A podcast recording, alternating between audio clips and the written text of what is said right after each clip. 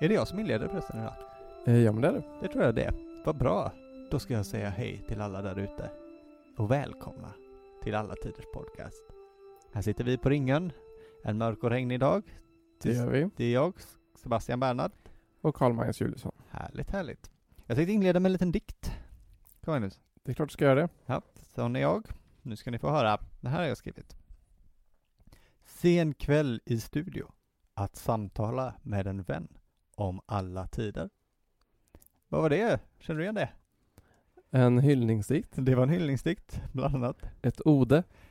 Ja, det skulle man kunna kalla det. En hommage. Det också. En kärleksdikt. Eh, vi kanske inte ska gå för långt. Eh, framförallt skulle jag kalla det för en haiku. Ja, det låter, det låter väl rimligt va? Mm. Eh, Och det är väl det vi ska samtala om idag. Det ska vi göra. Mm. Det kan väl alla folk där ute på ett hum känns som man har om vad haikus är för någonting. Det borde man ha. Man borde ha gjort det i skolan kanske. Vi skrev haiku i skolan. Vi skrev haikus och limerickar eh, på någon lektion. Skrev ni limerickar? Mm. Det är de roligaste. Det gjorde vi. Jag minns inte om vi skrev dem så snuskiga som de brukar vara. Det är ju lättare att göra snuskiga limerickar än att göra snuskiga haikus. Det, det är det faktiskt. eh, 100 procent. Om inte du ska lansera det Sebastian. Vi får se om jag får filura lite under avsnittets gång kanske jag kan eh, komma på en eh, snuskig haiku. Den boken hade jag köpt. 127 snuskiga haikus av Carl Sebastian Bernhard. Det är faktiskt en fantastisk idé. Du, ingen där ute snor den idén nu, för nu, då kommer, nu, är det, nu finns det här inspelat. Med datum och... Eh, liksom. Precis, så att eh, den kommer snart. Förhandsbeställ den via postorder. På allatiderspodd.gmail.com Exakt. Mm. Nej det var, det var en haiku såklart. Det var en haiku. Mm. Ska vi eh, börja med att förklara lite om haiku, vad det är kanske? Ska vi börja där, innan vi går in på vår poesimästare, som vi ska prata om sen? Som heter Basho. Men innan dess då, en haiku är ju en, alltså en kort treradig dikt där första och sista raden har fem stavelser och den i mitten har sju. Så ligger det till. Ja.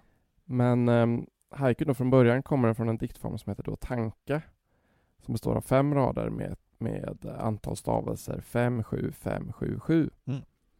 Hade den, den formen då. Och eh, på den tiden, nu befinner vi oss ungefär samtidigt med den tid som i Europa kallas medeltiden. ja, just det. Då brukade man anordna poetiska sammankomster eller poesitävlingar. Det gick ut på att man kopplade samman dessa femradingar då, den här tankan, till längre enheter som kallades renga. Ja, just det. Alla som var med bidrog då med egna strofer och band ihop dem eh, med de föregående då. Och det här var en vanlig sysselsättning under det som kallas Heian-perioden, alltså 794 till 1191 och under Kamakura-perioden som då var 1191 till 1392. Goda perioder det där det. En ganska lång period. Det är ganska länge, ja, faktiskt. 600 år ungefär. Ja. I början var det ganska korta renga, men med tiden så växte de och kunde bestå av så många som 36, 50 eller 100 strofer. Ja, det är faktiskt långt. Det är jättelångt. Det är faktiskt en ganska kul eh, fest om man är lite sån lagd. Man skulle nog framförallt vara så lagd. Ja. och, eh, men de här inledande raderna då, då, alltså de första tre, de hade då alltså 5, 7, 5 stavelser då. Mm. Och kallades hockey. Ja, men här, här hör man någonting. Nu börjar det hända någonting här. Och när man gjorde sådana här då, renga, var det oftast den mest framstående som fick skriva de tre första raderna, som var de viktigaste också. Just det. Sätter ju tonen kan man tänka sig. Ja men precis, så bestämde lite grann vad som skulle komma efteråt. Och eh, det var de tre raderna då som sen rycktes ur sitt sammanhang och blev denna självständiga diktform som sen efter då Bashos liv fick namnet haiku. Mm. Han kallar inte sina dikter för haiku. Nej, han gjorde ju inte det. Nej. Det komplicerar ju saker lite, men Precis, och med tiden så utvecklades det en mängd regler för hur man skulle skriva dessa hokku. mm. Eh, och där kan man ju diskutera ifall du följde dem. Ja, det gjorde jag ju kanske inte riktigt. Det var, det, lite det, det var lite det jag ville göra då för att visa på att eh, våra föreställningar om haikus och dess simpelhet kanske inte är fullt så enkelt som man tror. Jaha, du provocerade lite. Så så var det, det var bara för att eh, skina ett ljus på vår oförstånd. Ah, ja. Du spelade, spelade pajas här, Jag spelade det. tok. Jag gjorde det. Så att eh, jag ska få tillrättavisa dig när du egentligen vet reglerna. Så ödmjuk är jag. Mm. Det är det jag säger i alla fall. vi, kör, vi spelar dum cup, eh, smart cup. Just det. Bra lek. ja. För att ehm, de här reglerna då. Det ska till exempel finnas ett ord eller ett uttryck som anger årstid. Mm. Just det. Det kallas, något, kallas kigo. Och eh, dessa ord bildade sen då en form av standardrepertoar som man kunde använda liksom, för de olika årstiderna.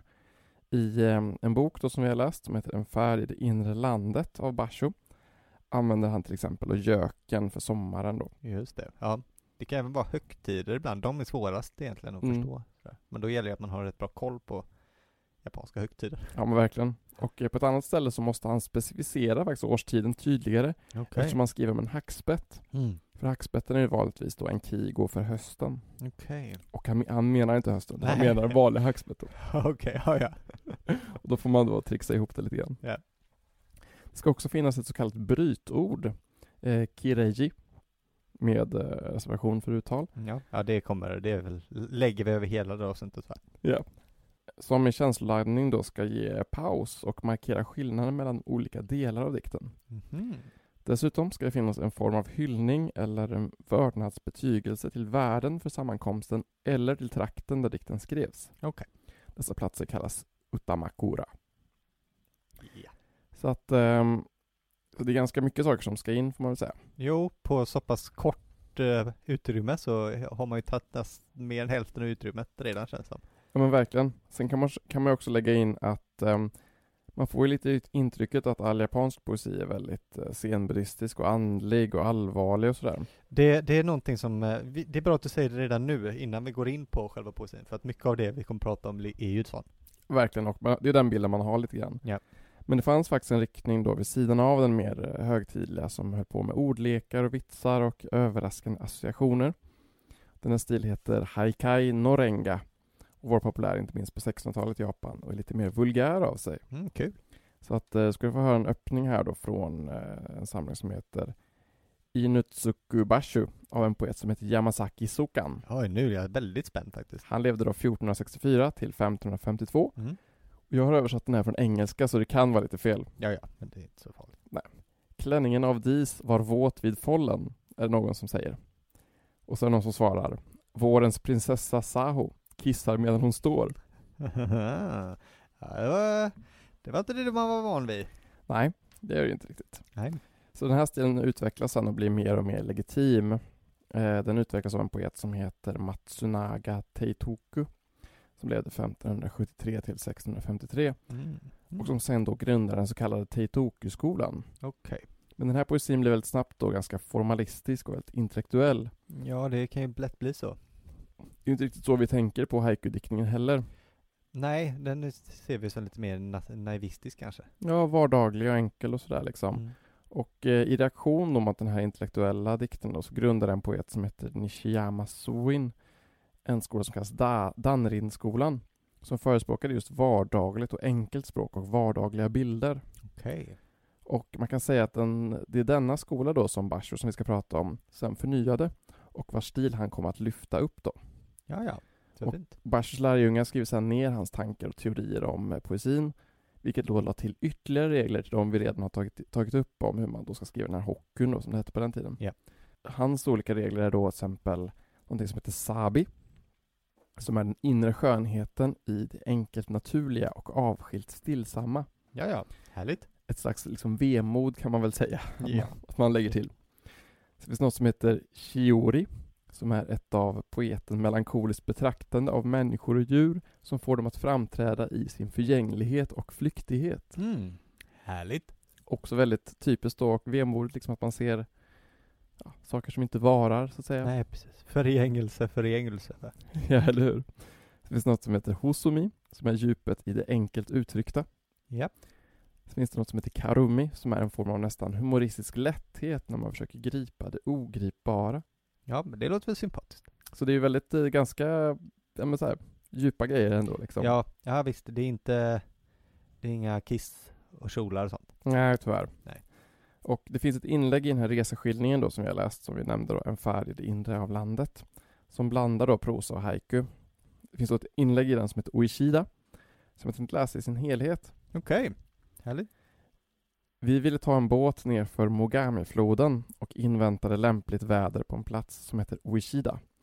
Här har gamla haikai-fröer såtts och folket här vårdar minnet av det förflutnas oförglömliga blomma vilket berikar dessa sinnen på vassflöjtsmusikens enkla nivå.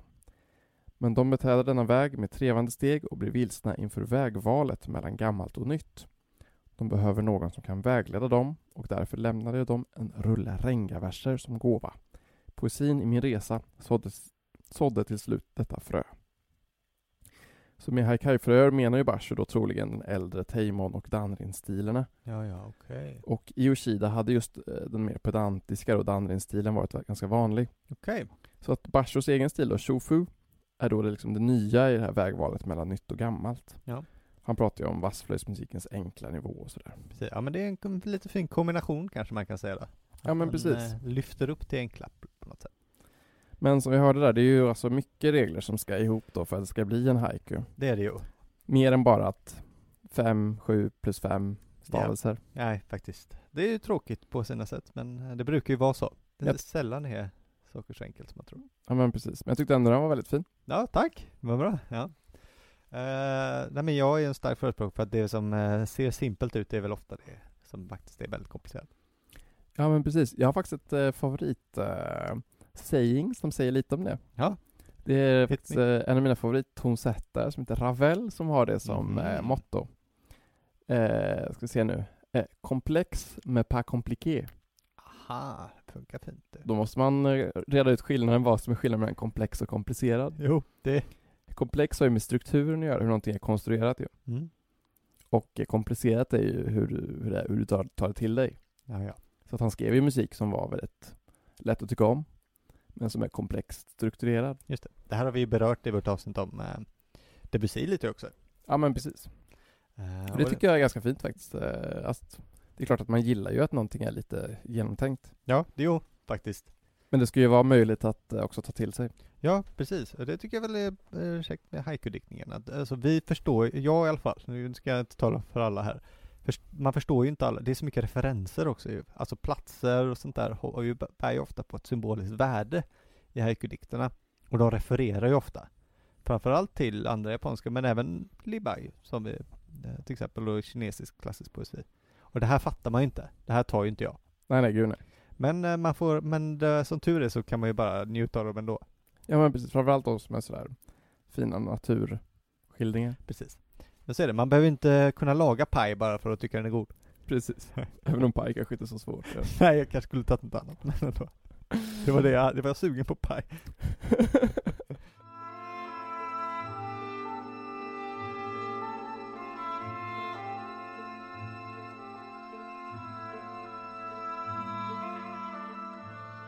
Ja, jag tänkte att eh, jag ska spela min roll här lite som vanligt och backa bandet.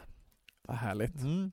För innan vi pratar om det här va, så vill jag höja ett varningens finger över, eh, man pratar om japansk historia, allmänhet faktiskt och bilden av eh, Japan och sådär. Jag tycker att det, ofta är Japan ett, Japan är ett land som många fascineras väldigt mycket av. Eh, och det kan man göra, det är ju det, är- det är särpräglat på många sätt och intressant. Men det finns vissa, man överexotiserar till viss del, det kan vi ta en annan gång, men man fokuserar också på vissa specifika fenomen eller tillfällen. Eh, sådär. Kanske till exempel att må många idag kanske ger manga ett lite större utrymme i japansk kultur än vad det möjligtvis har. Ja, ja, ja, jag har faktiskt ingen aning om hur Nej, det är. men, men till exempel att folk har liksom, folk, folk som är fans av saker kanske ger det lite större utrymme än vad det har. och Sådär. Ja. Eh, en sån grej är ju Tokugawa-shogunatet. Jag känner faktiskt till Tokugawa. Mm, För att om man spelade Civilization och var i Japan så var man eh, Tokugawa. perfekt. Du Så, ser. så därför är det den enda jag känner till. Just det. Ja, det är då var man en person då, eh, Tokugawa Ieyasu. Eh, han grundade ju då det här, den här perioden. Det kallas för Tokugawa-shogunatet. Och det här dominerar ju den japanska historiebilden, eh, 100%. Det är samurajer, det är zen-munkar, det är teceremonier och haiku-poesi och sånt där. Men där har du ju allting jag vet om Japan. Precis. Det här är ju 16 och 1700-tal. Det här är. Vi kan slänga in ninjor där också för eh, sakens skull. Eh, men den japa- japanska historien är ju betydligt längre än så här. Så samtidigt som eh, Bach spelar orgel i Thomaskyrkan i Leipzig så sitter en samuraj och eh, dricker te i Japan. Så är det. Exakt. Bra, det har du bra historisk analys. Så olika saker kan man va? Det är så att den japanska poesins guldålder då är ju egentligen tusen år innan Basho. Eh, Basho har ju blivit den största och vi förknippar det med haiku, men det som är liksom den kanoniska tiden eh, är eh, innan det, under eh, Asoka och Nara-perioderna. Och kanske lite Heian-perioden också, i och för sig. Men jag fokuserar nu på de här. Det är då 700-tal, 600-700-tal. Då blomstrade poesin som mest. Eh, intressant nog är det ju samtidigt som Tang-poesin i Kina, som vi pratade om i Libai-avsnittet, Ja, ja, ja. ungefär. ja just det, det var 700-tal va? Ja, precis. Och influenserna här kommer ju från, eh, från Kina. Eh, verkligen. Kina fungerar ju som en någon sorts asiatisk Rom i den här kontexten. Liksom. Det är kulturens högborg och sådär. Och eh, under den här perioden i Japan så är kulturen helt centrerad kring hovet, det kejserliga hovet och elitens herrgårdar. Det är en extremt aristokratisk period. Påminner ju om Europa också. Det gör ju det. Eh, Men med vissa skillnader då, och även från senare japansk tid, är att då, det här är då innan Japan kommer att domineras av samurajståndet, som ju är ett krigar, en krigarklass. De tar över i och med Kamakura-perioden sen. Tänk om jag hade ett riktigt samurajstånd. Jag såg ditt ansikte när jag sa det. och så karatefylla och ett Ja, samurajstånd. Exakt, precis. Här har du en riktigt samurajsvärd. Ja, Ja, förlåt, förlåt. nej, det, det var fantastiskt. Samurajståndet, exakt. Det är en bra mental bild att ha i huvudet nu. Eh, De kommer i alla fall att dominera sen då. De är ju krigare liksom. Det är, och det är de vi känner till. Men då under den här tidiga poe, mer poetiska tiden, om vi vill kalla det då är det, då är det mer de raffinerade och lärde hovmännen som dominerar samhället. Så, och det är ju lite skillnad då. De har ju lite andra intressen kanske. Eh, Så det är liksom bildning och societet som, som ger statusen eh, framför allt. Eh, mer än att vara bra på att slåss, eh, pil och båge och sånt där som samurajerna älskade. Eh, och då frodas ju såklart poesin. Vad gör eh, societeten och bildar människor? Jo, de skriver dikter va? Så eh, det kanske inte så mycket nu för tiden, men förr i tiden gjorde de det i alla fall. Och läste dikter högt och så. Ja, exakt. Och gjorde såna här eh, renga till exempel. Mm. Och det här kulminerar år 759 eh, då den stora samlingen Manyoshu kommer ut. Det betyder samlingen av 10 000 blad. Den innehåller 4 496 dikter. Och det är ganska många. Väldigt, väldigt många. Ja, precis. Och det är lite som det också när vi pratar om Lebai, de här tangpoesin siffror, det är ju hur mycket dikter som helst liksom. Där var det väl 30 000 ungefär. Ja, just det. Men det här är då, det här är, den, det här är kanon. Det här är de dikter som man ska ha läst va. Eh, Och som Basho såklart har läst och refererat till. Och då, då är det värt att nämna den största poeten kanske i japansk historia. I alla fall i, i, i mm, vad jag har förstått från eh, framförallt den här samlingen som jag har framför mig, Silverfloden. Det är en man som heter Kakinomoto no Hitomaru. Eh, Och han var från den här tiden. Och han ska då vara nummer ett. Så Basho kommer ju sen Förstås. Men han är liksom mer Homeros på något sätt, även om han skriver en annan typ av poesi. Mhm. Men liksom, det, det stora namnet som alla förhåller sig till.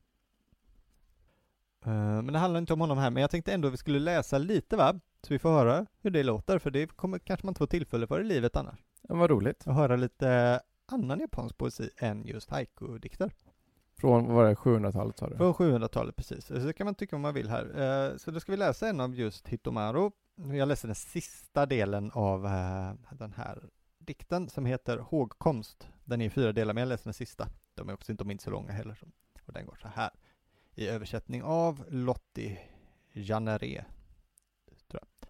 När jag lämnade min älskade i hennes grav på berget och gick ner för sluttningen kändes det som jag själv vore död. Min älskade väntar på mig. Hon vet icke att min kropp ska stanna här bland klipporna vid bergets fot. Det var fint. Det var fint. Också lite vemodig va? Verkligen. Som, eh, som eh, Bashos tyckte det. Mm. man, hör ju, man hör ju att han är inte unik kanske. Nej. Det finns där, det finns där inne. Eh, faktiskt ska jag läsa en annan också här som är en okänd diktare. Eh, men det här är faktiskt en av mina favoriter så jag kommer läsa den ändå så får, får man eh, se en liten bild av mig om man tycker det är kul. Jag tycker den är jättefin, den heter Spår i snön. Så här går den. Jag har vilat i dina spår i bergens snö. När du kommer igen ska jag vara en snötäckt väg och dina spår skola vila i mig. Lite suggestivt. Det var fint. Vänta, fi- fotspår i snön. Jag tror att det kan vara ett preludium av Debussy också. Ja, du ser. Här har du något att bygga på, Magnus. kom in väldigt mycket från Japan i slutet på 1800-talet. Ja, det gjorde ju det. Ja, det är inte omöjligt att de har. Det var väldigt många som inspirerades och det är ju runt Debussys tid där. Ja. Så det är möjligt att den faktiskt är baserad på den. Ja, det är värt att gräva i faktiskt. Här fick vi ett exempel på uh, tidigare och uh, så att, uh, nu har jag sagt det, att det finns mer än haikus. Men nu blir, så nu blir det haiku. och uh, ska vi gå in lite på Bashos tid då? jag sa ju att vi inte ska låta Tokugawa shogunat dominera, men det kanske är bra att lägga en backdrop här. Vad är det för miljö nu som är den här japanska teorin? Och den här Tokugawa-perioden inleds då efter, det stora inbördeskriget, Sengoku Jidai, och det här dominerar japansk historieskrivning till 100% inbördeskrigsperioden. All, liksom, all, de kända, alla kända samurajnamn, de flesta spel eller filmer så här som görs som samurajer utspelar sig under den här perioden. För då är det så att i ungefär 150 år så är hela landet splittrat mellan olika klaner vars då samurajer drar eh, land och rike runt och härjar. Och eh, det är väldigt dramatiskt såklart. Det är res, det är människor som gör sina förtjänster och dör dramatiskt och det är självmord och ninjor som mördar människor och krigarmunkar och allt sånt där. Så det är spännande såklart. Krigarmunkar låter ju ascoolt. Krigarmunkar, ja precis. Mm. Eh, det fanns det gott om. Icko Icko och sånt där. Men, eh, men det var ju inte så kul för folk, såklart. Så att eh, det är klart att en period efter ett stort inbördeskrig blir ju ganska stort, starkt präglat av kaoset som har rått innan.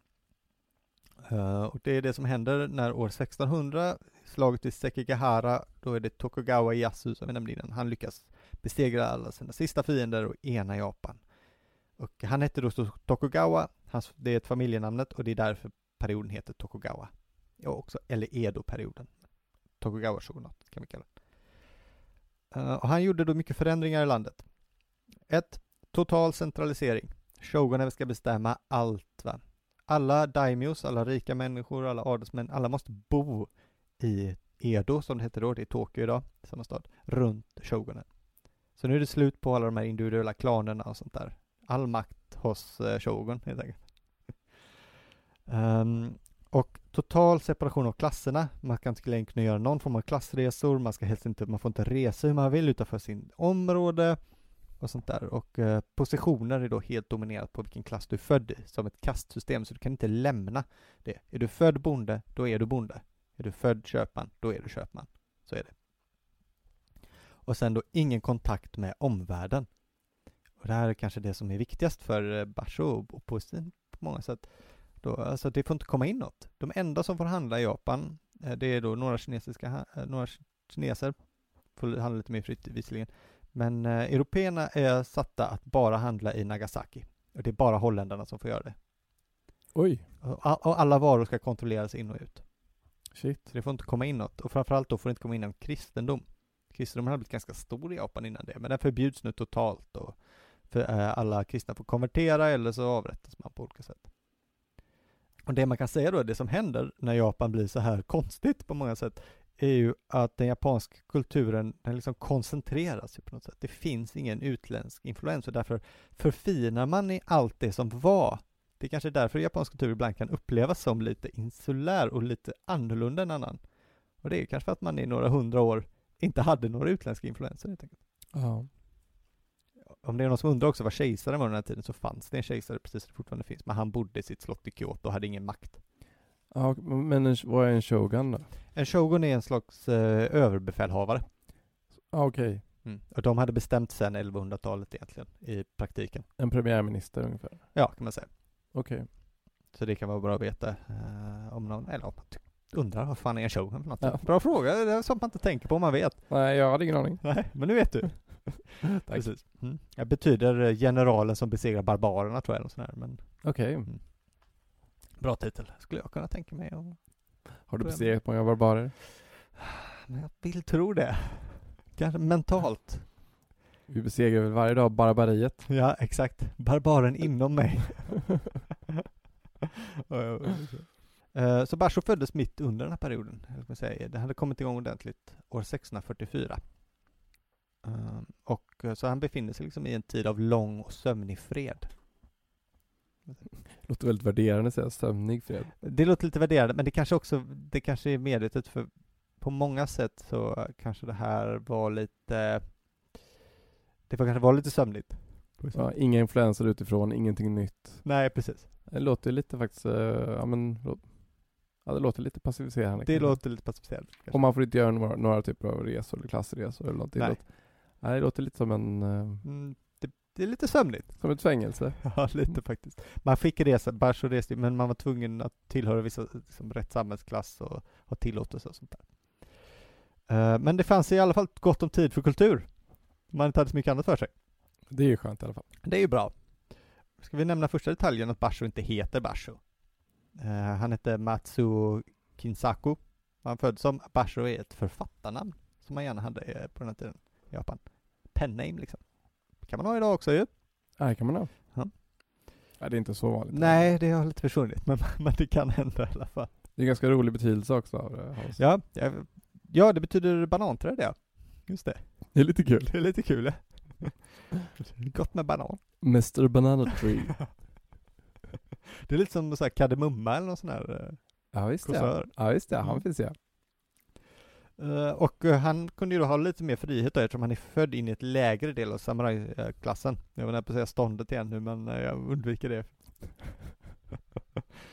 Ehm, och det här är ju bra då, så han hade inte så mycket pengar, men han hade tillräckligt mycket för att få en position vid en större adel, adelsmanshov. Det här är perfekt. Är man högre adelsman, då måste han jobba på med byråkrati och sånt där.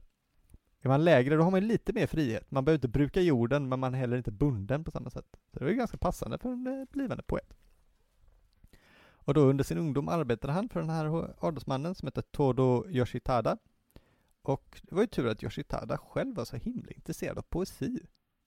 Faktiskt. Vilken tur. Ja, det var väl bra. Och han lär ha uppmuntrat eh, sin unge kompanjon, var han inte, han sin unge tjänare Basho, att själv dikta. Och de eh, skrev ofta så- sådana här renga tillsammans faktiskt. Hade en liten cirkel där och hittade på olika författarnamn för varandra. Ja men grymt. Mm, gulligt. Men, da, da, da, Yoshitada dog. Eh, tråkigt va? 1666. Och då lämnar Basho sin eh, lugna och lantliga tillvaro och ger sig ut för att befinna sin plats i världen. 1666, samma år som branden i London var. Mhm. Exakt.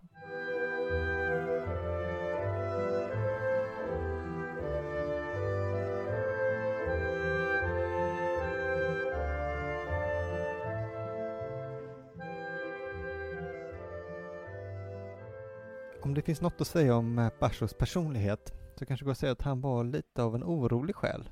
Kanske. Han verkar konstant ha sökt ett inre lugn va? Eh, Som han inte riktigt han kunde hitta någonstans. Han försökte bland annat att slå sig ner i Edo, huvudstaden. Och det gick jättebra, han fick ju jättepopulär. Han fick en massa lärjungar och sånt. Som han också låg med verkar det som. Jaha. Ja, eh, det kan vara lite värt att nämna eftersom vi pratade under pausen. I Japan fanns det också lite av en sån här tradition inom samurajerna att man låg med yngre, po- äh, yngre pojke, äldre man. Åldersspannet var kanske inte lika högt som i Grekland och det var inte lika formaliserat, men det var absolut en grej Jaha. faktiskt. Så han eh, verkar ha, eh, ja, verkar, han kan i alla fall ha haft lite relationer med sina. Folk påstår det. Och här bod, men han, ändå var han inte så glad. Nej. Han bodde i sin hydda där ute i Gamla stan. Han, hade, ju- han hade ett bananträd också. Som han ju älskade. Och det, därav namnet. eh. Och gillar att sitta under och höra hur de här um, löven eh, rörde sig i vinden. Ja, det låter ju superhärligt. Ändå var han inte nöjd. Nej. Ja. Nej, i den här eh, samlingen som, jag, som vi har eh, läst, samling är det inte, men hans reseskildring, så eh, är ju vemod ganska ett genomgående tema. På samma sätt som man då tänker kanske att mycket haiku-diktning brukar låta som. Ja. Han skriver om den tidiga höstens vemodsblom. Ja, det var ju vemodigt. Det är väldigt vackert ord tycker jag, Ja, vemodsblom. Det är faktiskt väldigt vackert. De stannar på en strand bland några fiskarhyddor och dricker te och värmer sin sake och blir djupt berörda av skymningsstundens vemod. Mm. Kan hända det bästa. Basho skriver då ett ensligt vemod som överglänser Sumas höst över stranden. Mm. Som ni hörde så var det en haiku där då. Ja, det var fint faktiskt. När hans följeslagare Sora ger sig av eftersom han har blivit magsjuk så skriver Basho Sorgen är den som ger sig av, missmodig den som blir kvar, likt ensamma vildänder som skilts, vilsna bland molnen. Mm. Det där var inte en haiku utan det där var prosa. Ja. Den här boken eh, altererar ju det så att säga mellan båda två. Eh, ofta så vetter tårar hans ärmar. Jaha, armar inte kinder? Nej, Nej. han kan torka sig. Det är faktiskt en, eh, en omskrivning enligt eh, de här noterna då att eh, det betyder att man gråter så antagligen så torkar man väl sig då om ögonen med ärmarna då. Ja, man kan se det framför sig. Ja. Och han, eh, han ser till exempel några gravstenar till två svärdöttrar och skriver Tårar vette mina ärmar vid tanken på det hjältemodiga namn de, trots att de var kvinnor, lämnat om sig åt eftervärlden. Ja. Han besöker också en borg. Eh, Det står då eh, de allra främsta krigarna förskansade sig i denna borg men deras ära varade blott ett kort ögonblick och nu finns bara gräs kvar. Och sen, jag satte mig på min bambuhatt och fällde tårar glömsk av tidens gång. Mm. Ja, han låter ju inte, det är inte den gladaste pricken i stan. Han besöker också ett berg som heter Gassan och eh, därefter ett som heter Judonu. Och i dalen finns ett litet hus som har varit en smedja och han börjar tänka på två kinesiska makar som gör svärd. Sen när de vilar får han se ett körsbärsträd och han grips tag av den sena körsbärsblommorna och skriver Här på Judonu, vars hemlighet är helig, fuktar jag min ärm. Ja, jag fuktar den igen. Han gråter alltså igen. Nej, det var väldigt... Och hans följeslagare Sora skriver På Judonos berg trampar jag på pilgrimsmynt och fäller tårar. Ja, Så det är, det, är en, det barkar åt ett håll. De gick ganska mycket runt och grät helt enkelt. Det var ju tur att de hade varandra i alla fall. Ja, Det är inte något jag gör med mina kompisar så ofta. nej det brukar vi inte göra. Vi skrattar väl mer kanske. Ja, faktiskt. Jag har väl kanske lite annan läggning också. Kan vara det. Kan vara det faktiskt. Men i hans liv och i hans reseskildringar finns alltså många av de känslor som vi tänker på när vi tänker på haikun. Människornas och framgångens förgänglighet. Just Det är gravstenar och borgar som bara är ruiner som vittnar om hur tiden flyr och livet passerar. Och skönheten i naturen då, i körs- körsbärsblommorna till exempel då. Mm. Och som då är så stark att han rörs till tårar. Då. Ja, det kan man göra. Det kan man göra. Precis. Men det är också ett vemod som ibland kan vara lite upplyftande. Jaha, det är Ja. inte så vanligt. Det är ett speciellt avsnitt det här som jag ska läsa. Det finns en avdelning som heter eh, Itsuka. Och det är då en plats och här i Itsuka finns varma källor och de tar in på ett ruffigt och eländigt värdshus. Han lägger sig för att sova på golvet vid eldstaden. Det åskar och regnar och han angrips av loppor och myggor. Dessutom fick jag ett anfall av min gamla åkomma och var nära att svimma, skriver han. Aj, ja, det här var ju tråkigt. Och enligt Vibeke Emons noter då till den här boken då, så led Basho av kramper i magen och av hemorrojder. Ja, det låter ju faktiskt väldigt tråkigt. Han kan inte sova, det blir morgon, han plågas fortfarande av nattens besvär och känner sig nedstämd. Men, så skriver han så här. Men den långa väg som ännu låg framför oss kändes det ängsligt med min sjukdom.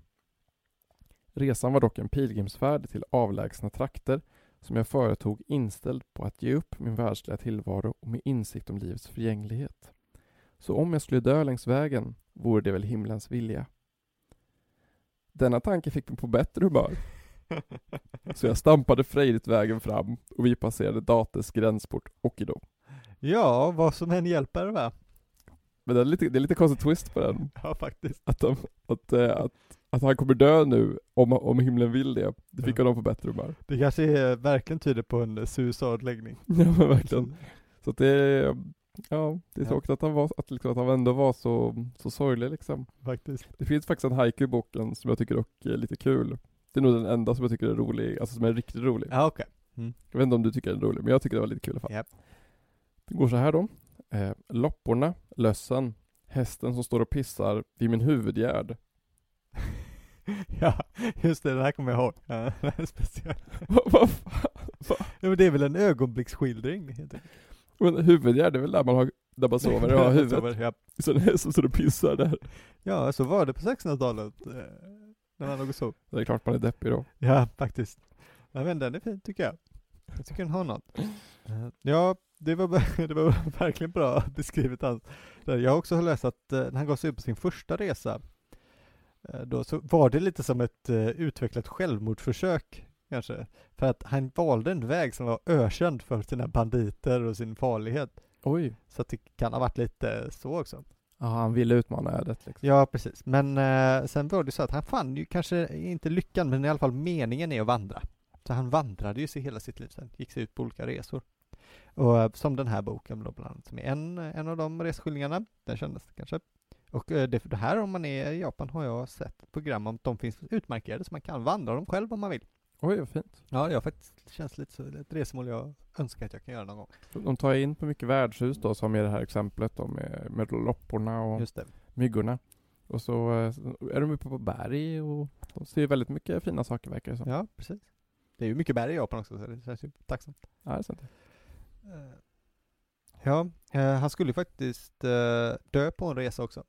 Hans liv bestod ju av ungefär det här, så det kanske inte, kan, kan ju säga det redan nu, att han dog eh, i Osaka 1694, just på en resa faktiskt, till det området som ligger längre söderut än Edo, och han hade varit i Kyoto-området också. Och då skrev han en sista dikt. Han lämnade inte efter sig någon dödsdikt, tyvärr, vilket ju var en tradition att man skulle, när man visste att man skulle dö, skulle man skriva en dödsdikt. Det- Mhm. Det var även något man gjorde innan en strid till exempel, ifall man skulle dö. Ja, Visst, men det har man hört om samurajer va? Att de Ja, skrev en, precis. eh, en dikt ja, innan de gick ut och slogs. Precis. Eller innan en duell eller sådär. Ja, exakt. Det är något som en förberedelse på döden. Man ska kontemplera det. Det är ofta där körsbärsblommor också nämns. Och sådär. Ehm, men, han, eh, men det är ganska passande ändå den här dikten, för han dog av mag, de här magbesvären sen. Och då skrev han en haiku som gick Bli sjuk på resa, mina drömmar vandrar över det torra gräset. Eh, det var hans sista dikt och det låter ju lite som en dödsdikt ändå. Ja, det är det faktiskt. Ja, eh, vi har ju nämnt då att eh, alltså haikun, det känt för basho, men den kallades ju inte haiku nu. Nej. Den hette ju Hokko fortfarande. Eh, och eh, sågs ju fortfarande kanske lite som ett poetiskt fragment. Alltså att man skrev en sån här kort dikt, men den var ju fortfarande förknippad med sin längre variant. Ja, med, med tankan och med rengan då. Ja, precis. Så att även, det kunde man ju, kan man ju göra även i västerländsk kontext på 1800-talet, så att man skriver någonting medvetet ofärdigt ju, som en, eh, så, så alluderar på att det finns en fortsättning på något sätt. Och Basho ska ju själv ha menat att han var bäst på uh, renga egentligen. faktiskt. Det var hans eh, bästa grej. okej. Men det verkar inte som att alla höll med om det. Han blev, men det, han, det sa du väl att hans dikt har blivit kanon för en haiku lite, och de regler han lärjungar formulerade och sådär. Han blev ju till och med upphöjd eh, till, eh, inom shintoism, vad jag förstod det som eh, på Wikipedia i alla fall, till en form av gudom för poesin. Mhm. Och att det länge sågs som eh, religiöst tabu att kritisera hans eh, stil. Oj. Men trots det så skulle ju han, den man som sen har ju faktiskt har gett haikun sin na- sitt namn. Vad har jag skrivit upp hans namn? Där, eh, han heter Masaoka Shiki och han levde på 1800-talet. Han, eh, det är han som kallade det för haiku och som formaliserat den moderna haikun. Han var ju väldigt kritisk till Basho. Alltså. Mm, och det var lite av ett uppror mot Basho och den gamla stilen. Jag kan inte mycket mer om det, men det är i alla fall, eh, det är nu på, då på 1800-talet under det moderna Japans framväxande som då haikun blir det haikun är idag. Och så stor som den är idag.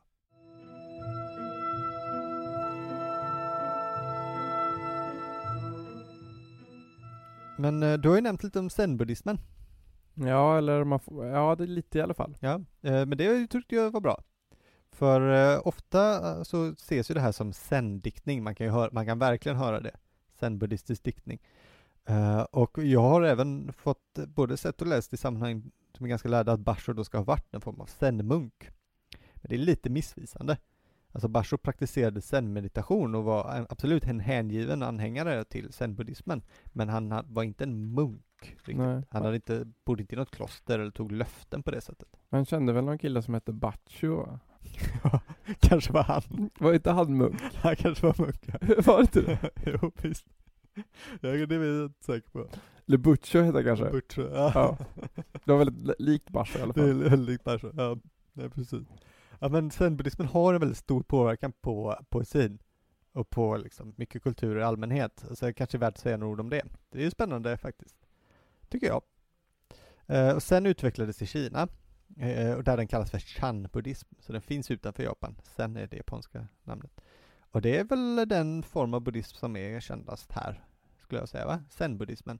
Ja, den, men också, den är så känd också via alla sina exempel och sin litteratur och sånt där. Ja, precis. Vanlig buddhism har ju inte så mycket förutom Buddha sayings liksom. Nej, precis. Ja, den tibetanska buddhismen har ju blivit väldigt känd i väst, ju via Dalai Lama och sådär såklart. Ja, ja klart ja. Och dödsboken, den tibetanska precis. dödsboken.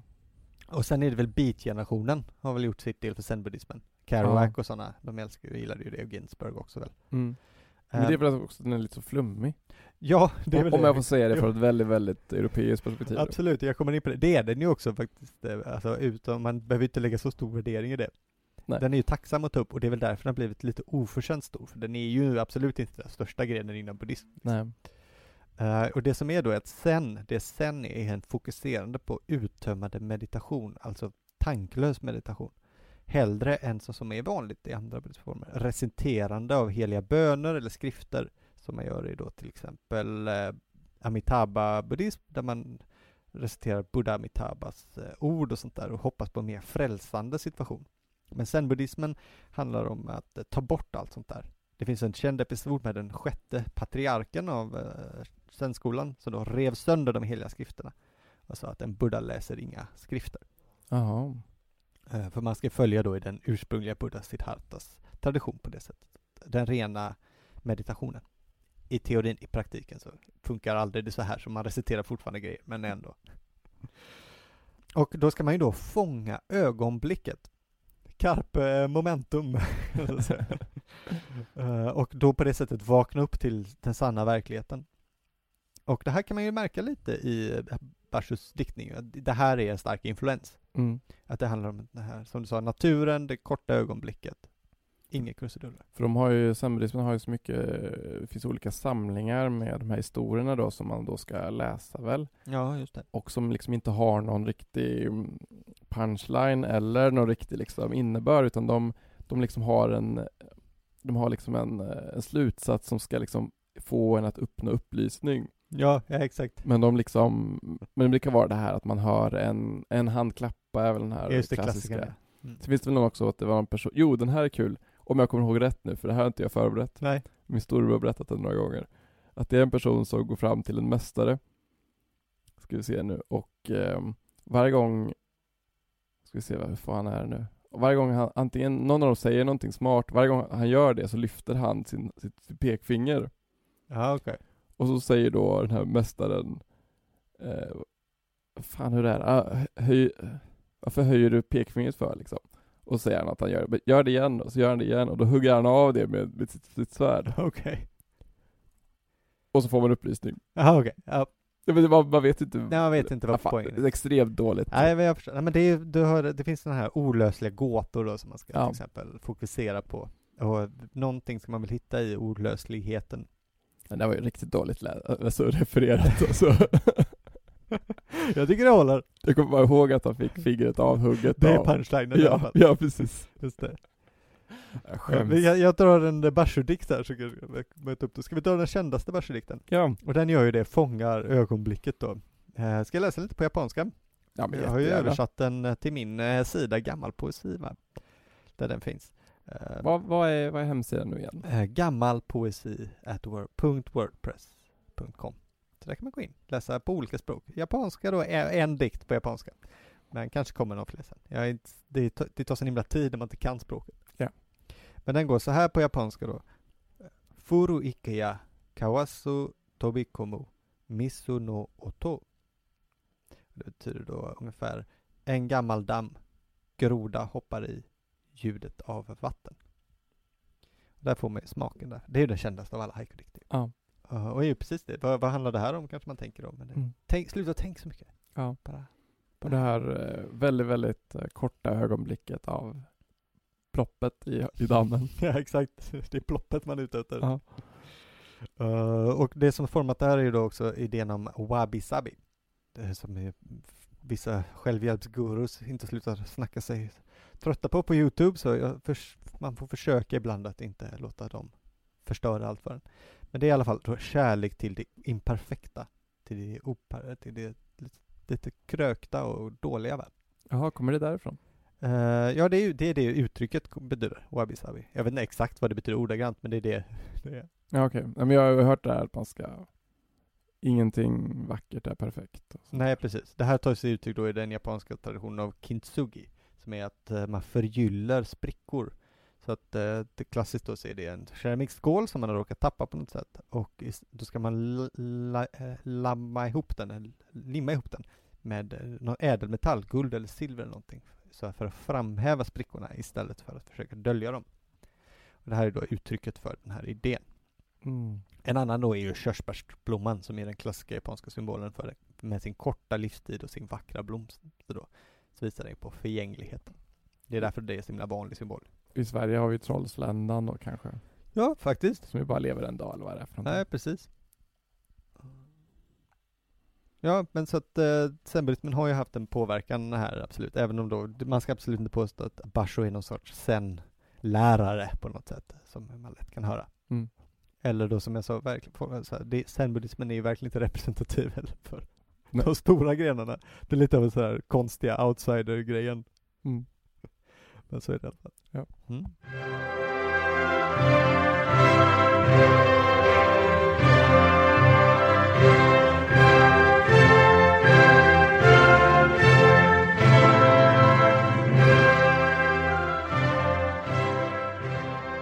Ja, men jag tänkte att vi skulle avsluta lite med att eh, ta oss till Sverige och till typ samtiden. Mhm. Nej men nu kittlar du min, eh, mina smaklökar. Ja, vad roligt.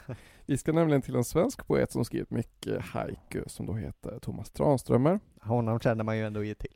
senaste nobelpristagaren från Sverige i litteratur. Han var ju rätt intresserad av versmått överlag.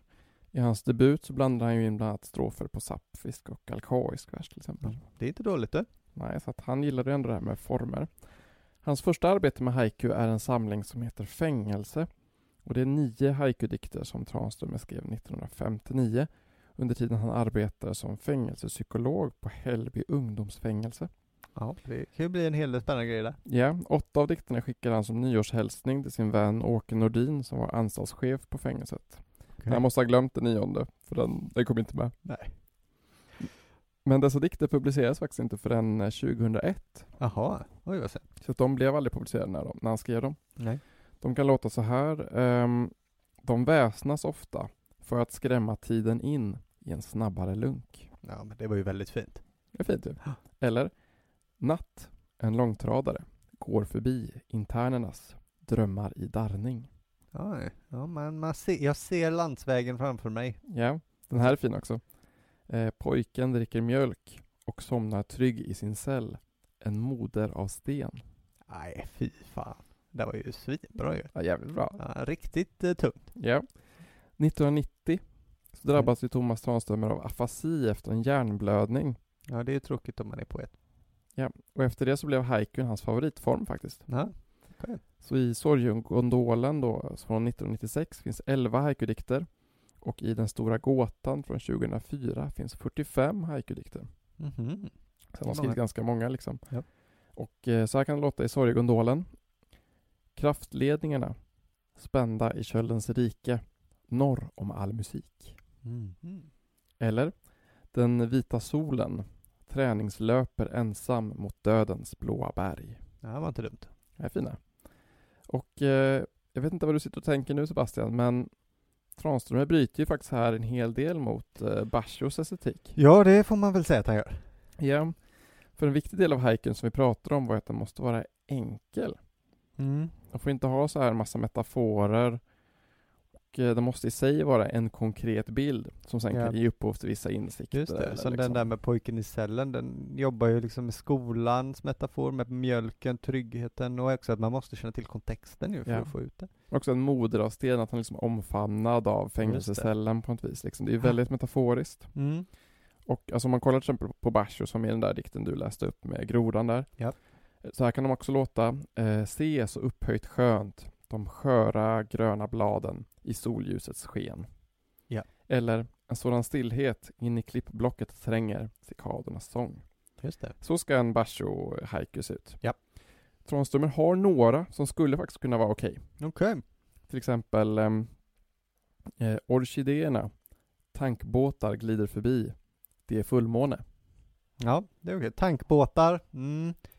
Du tycker att det är för, ja, det är för lite natur kanske? Ja, nej men det var okej. Det, ja, nej men visst. I vår tid finns det ju ingen natur, det Nej. finns bara kultur. Nej, nej, det är sant i och för sig. Det var ett jättedumt inlägg. Nej, det var, det var bra att du sa det, för, Ja. men det, var, det hamnade i fällan. Ja, verkligen. Eller så här. Ett par trollsländor, där har vi dem. Fasthakade i varann, svirrade förbi. Ja, perfekt. Den är ju glasklar. Japp. Eller Ekar och månen, ljus och tysta stjärnbilder. Det kalla havet, Mm. Ja, också eh, helt, eh, helt rätt. Glasklart. Men när jag kollade runt på nätet så fanns det faktiskt några som tyckte att Tranströmer använde alldeles för mycket metaforer och gick alldeles för långt från haikuns regler. Det var någon som tyckte att han hade missförstått hela haiku-genren till exempel. Men eh, det kan Ja, jag... eller eh, omtolka, det får man väl välja själv. Ja, precis. Men eh, jag tror att han syftade till eh, dikter som den här då, liksom. Eh, vi måste leva med det finstilta gräset och källarskrattet. Ja, det är ju inte en haiku i den bemärkelsen, men det är fortfarande ganska fint. Hur är gräset finstilt? Ja, hur är det? Men det, Det är vet, vackert. Ja, man, men det vet man ju. Det är sånt där eh, fint och härligt sommargräs. Ja, visst. Den här är på gränsen, den är kanske både och. Vet ni. Solen står lågt nu. Våra skuggor är jättar. Snart är allt skugga. Ja, mm. ja, men det är också det där att den liksom, eh, Metaforiskt liksom. lite metaforiska. Men eh, inte minst i Den stora gåtan så är Tranströmer väldigt poetisk i sina haikus.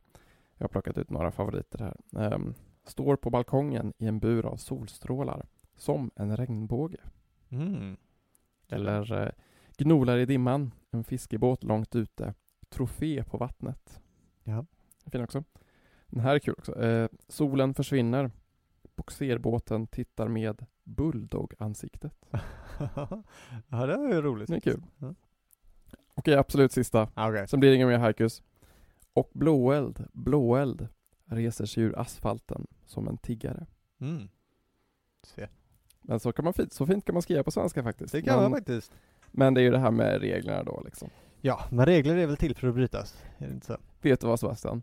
Det var det sista jag hade skrivit på det Nej men vad fan!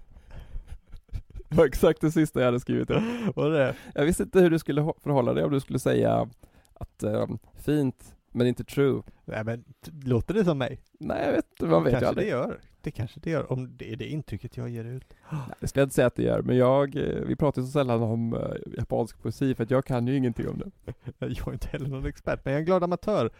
Ehm, ja, nej men jag tycker att man får göra det. Absolut. Men jag tycker, vi har väl en ganska liberal hållning. Vi har en, det har vi absolut, absolut. Det tycker jag skiner igenom. Jag tycker också att regler och teori sånt som ska hjälpa vingarna att lyfta. Så är det. Jo men så är det. Jag är absolut ingen eh, vän av oordning. Jag tycker att det, det absolut, de är ju väldigt bra att ha källa till och, och eh, bygga från. Ja men precis. Men i Mm. slutändan så är det ju såklart resultatet som är det viktiga. Så är det. Det finns ju inget egenvärde med regler. Så är det. Precis. De ska hjälpa till att skapa st- större verk, större poesi. Exakt. Där har vi det. Det kan du, kunde du tänkt på Matsuo. Även om Basho själv var en sån stickler för reglerna egentligen i och för sig. Nej. Det är rätt coolt att st- stipulera sina egna regler. Det är ju faktiskt det. Och eh, Det kanske man ska göra som en eh, riktig poet också. det kanske man ska göra. Mm. Ja, ska vi säga med de orden att eh, vi gör oss redo för att ge oss ut i världen igen med den visdomen. Ja men det tycker jag. Och eh, där kan man ju ha lärt sig mycket. Bland annat kan man ha lärt sig att det är en bra idé att vara generös. Skänka pengar till eh, välbehövlig kultur. Det är väl trevligt. Ja, så om man tycker att det här var trevligt och vilken härlig podd så får man jättegärna hjälpa oss att spela in och stödja oss på vår Patreon-sida. På Patreon slash alla tiders podcast. Eh, eller swisha. För vi har ska dricka en öl nu va? Ja, det ska jag. Ja, jag brukar göra det på torsdagar, liksom, eller onsdagar när vi spelar in. Så jag har liksom blivit van nu vid att jag behöver den där eh, onsdagsbärsen.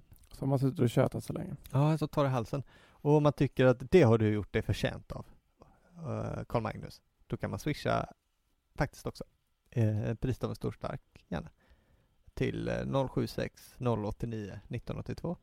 Grymt. Mm, så som vi sagt innan så lovar vi att eh, alla pengar går oavkortat till stor stark. Och eh, om jag inte minns fel så är det väl ditt telefonnummer Sebastian? Det är det, Kan man även skriva något gulligt? Ja, precis. Det är mitt telefonnummer, men eh, missbruka det gärna inte. Eller gör det. Ja, eller gör det, det är okej. Ja, ska vi ta den? Så ses vi alla nästa vecka. Gör vi. Så blir det något betydligt snuskare. Oh, ja, nästa vecka Nästa blir det. vecka blir det, då blir det grejer. Det blir inga haikus det är det. Nej men det, det kommer bli eh, fett. Mm. Förbered er på ordentlig eh, kakofagi. Så ses vi. Oh, oh. Hejdå! Ciao.